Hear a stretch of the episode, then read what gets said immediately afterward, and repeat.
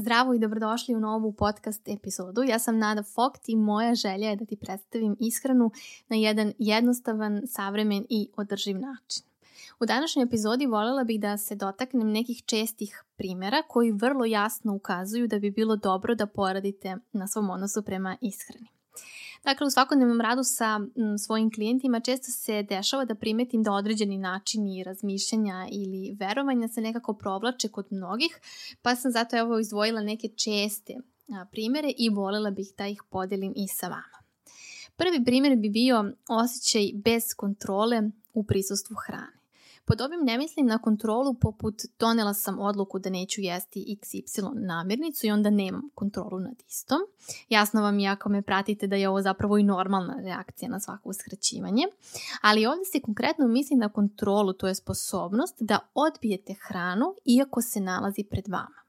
Ovdje je potrebno da budete vrlo u dosluhu sa svojim signalima gladi i sitosti naravno, i da na osnovu istih i donosite odluku da li ćete jesti ili ne, a ne da se vaša odluka zasniva na tome da li je hrana u vašoj okolini ili ne. Zatim primjer broj 2 bi bio recimo sledeći.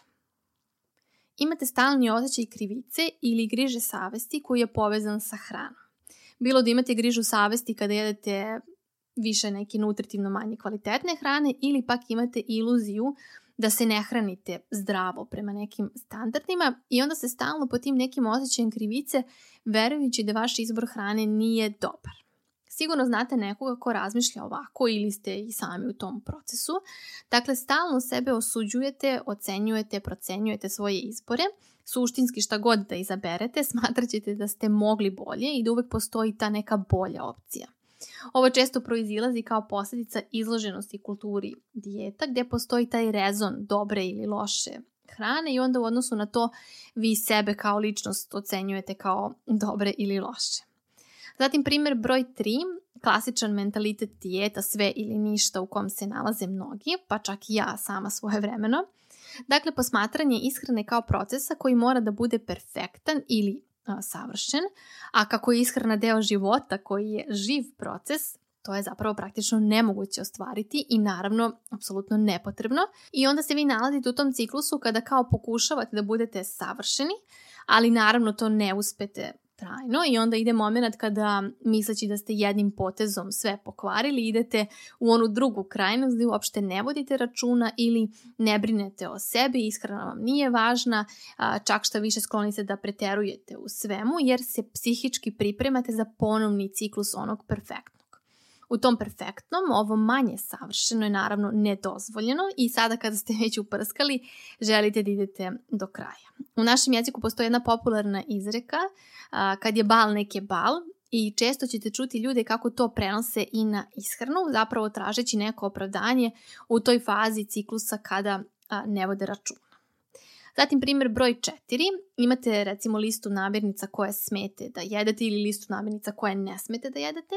U zavisnosti od toga kom klanu dijeta trenutno pripadate, lista naravno može biti različita. Ako ste na low carb ishrani, na toj listi će vjerojatno biti zabranjeni ugljeni hidrati, a ako ste pak na low fat ishrani, na listi će biti zabranjene namirnice bogate mastima, ako ste na clean eating režimu, na toj listi će vjerojatno biti zabranjene um, procesuirane namirnice ili ništa što ne spada u grupu clean uh, food. A ako ste na XY dijeti uvek će postojati dakle, neka grupa namirnica koja će biti zabranjene. Ovim zabranama, pored stvarno rizika nedostatka određenog makronutrijenta, utičemo pre svega na psihološki moment, na odnos prema tim istim namirnicama. Dakle, kada zabranimo, stvaramo kod sebe čežnju ili žudnju za tim namirnicama i naravno samo je pitanje trenutka kada ćemo se istima a, vratiti, navaliti i osjećati se bez a, one kontrole u prisustvu istih. Kada sam spomenula ovaj nutritivni nedostatak, to je nešto što se često dogodi, a može da prođe neprimećno na neki način. Recimo kada isključite svoje ishrane određene namirnice, vi automatski isključujete izvore određenih nutrijenata i ako to ne radite na način da umesto tih koristite zamenske namirnice, da, u, da uvedete druge namirnice, a vrlo često se tako i ne radi, onda postoji taj a, rizik.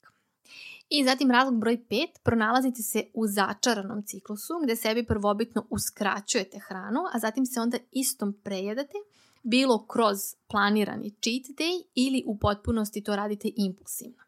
Ovo se na neki način nadovezuje na prethodnu stavku, dakle klasično razmišljanje da je lakše isključiti određene namirnice nego sa istima pronaći meru i onda to naravno ne može zauvek da traje i dešava se upravo taj efekt začaranog kruga, dakle ciklus motivacije kada ne unosimo tu neku zabranjenu hranu i onda ona druga strana kada ne možemo isto i da odolimo. Iako isprava deluje i na neki način kratkoročno jeste lakše da se određena hrana isključi, To su recimo najčešći slatkiši, dakle hrana koja ne pruža posebnu nutritivnu vrednost i onda kada ljudi žele recimo da smršaju, najlakše im je da te namirnice isključe. Pošto naravno ne žive u izolovanom sistemu, dakle izloženi su slatkišima svakodnevno, logično je da će onda a, u nekom trenutku te slatkiše oni i jesti, ali pošto nisu naučili kako treba da ih jedu svojim iskustvom, onda sledi naravno taj trenutak prejedanja isti. I to je ono u čemu su mnogi ljudi zarobljeni, imaju strah da izađu iz tog procesa, jer duboko veruju da nikada neće moći da budu u stanju da hranu jedu u većini situacija u optimalnim uh, količinama, što je zapravo i normalno da oni tako misle, jer sve što je njima poznato jeste to da kada su u dodiru sa tom namirnicom ne mogu da je jedu u umerenoj količini, već oni uvek preteruju. Ali isto tako, jako je važno da se govori o tome da jeste normalno da povremeno i pored izlaganja i redovnog jedenja sa svakome se dogodi da, da pojede, napominjem povremeno, veću količinu nego što želi ili što mu je zaista dovoljno. Dakle, jako je važno normalizovati i prihvatiti da nismo savršeni i da se i ove stvari povremeno mogu dogoditi, ali alarm za neku, da kažem, uzbunu je kada se to događa stalno ili u većini situacija. Završila bih ovu epizodu sa zaključkom da ako se pronalazite u makar jednoj od ovih stavki, a, vi ste pravi kandidat za moj grupni coaching program. Predlažem da se prijavite. Nova grupa kreće 9. januara, ostalo je još par slobodnih mesta, tako da na mom sajtu imate sve detalje, možete pročitati za više informacije i ukoliko vi sami smatrate da ste kandidat, budite slobodni da se prijavite i da radimo zajedno na rešavanju ovog problema.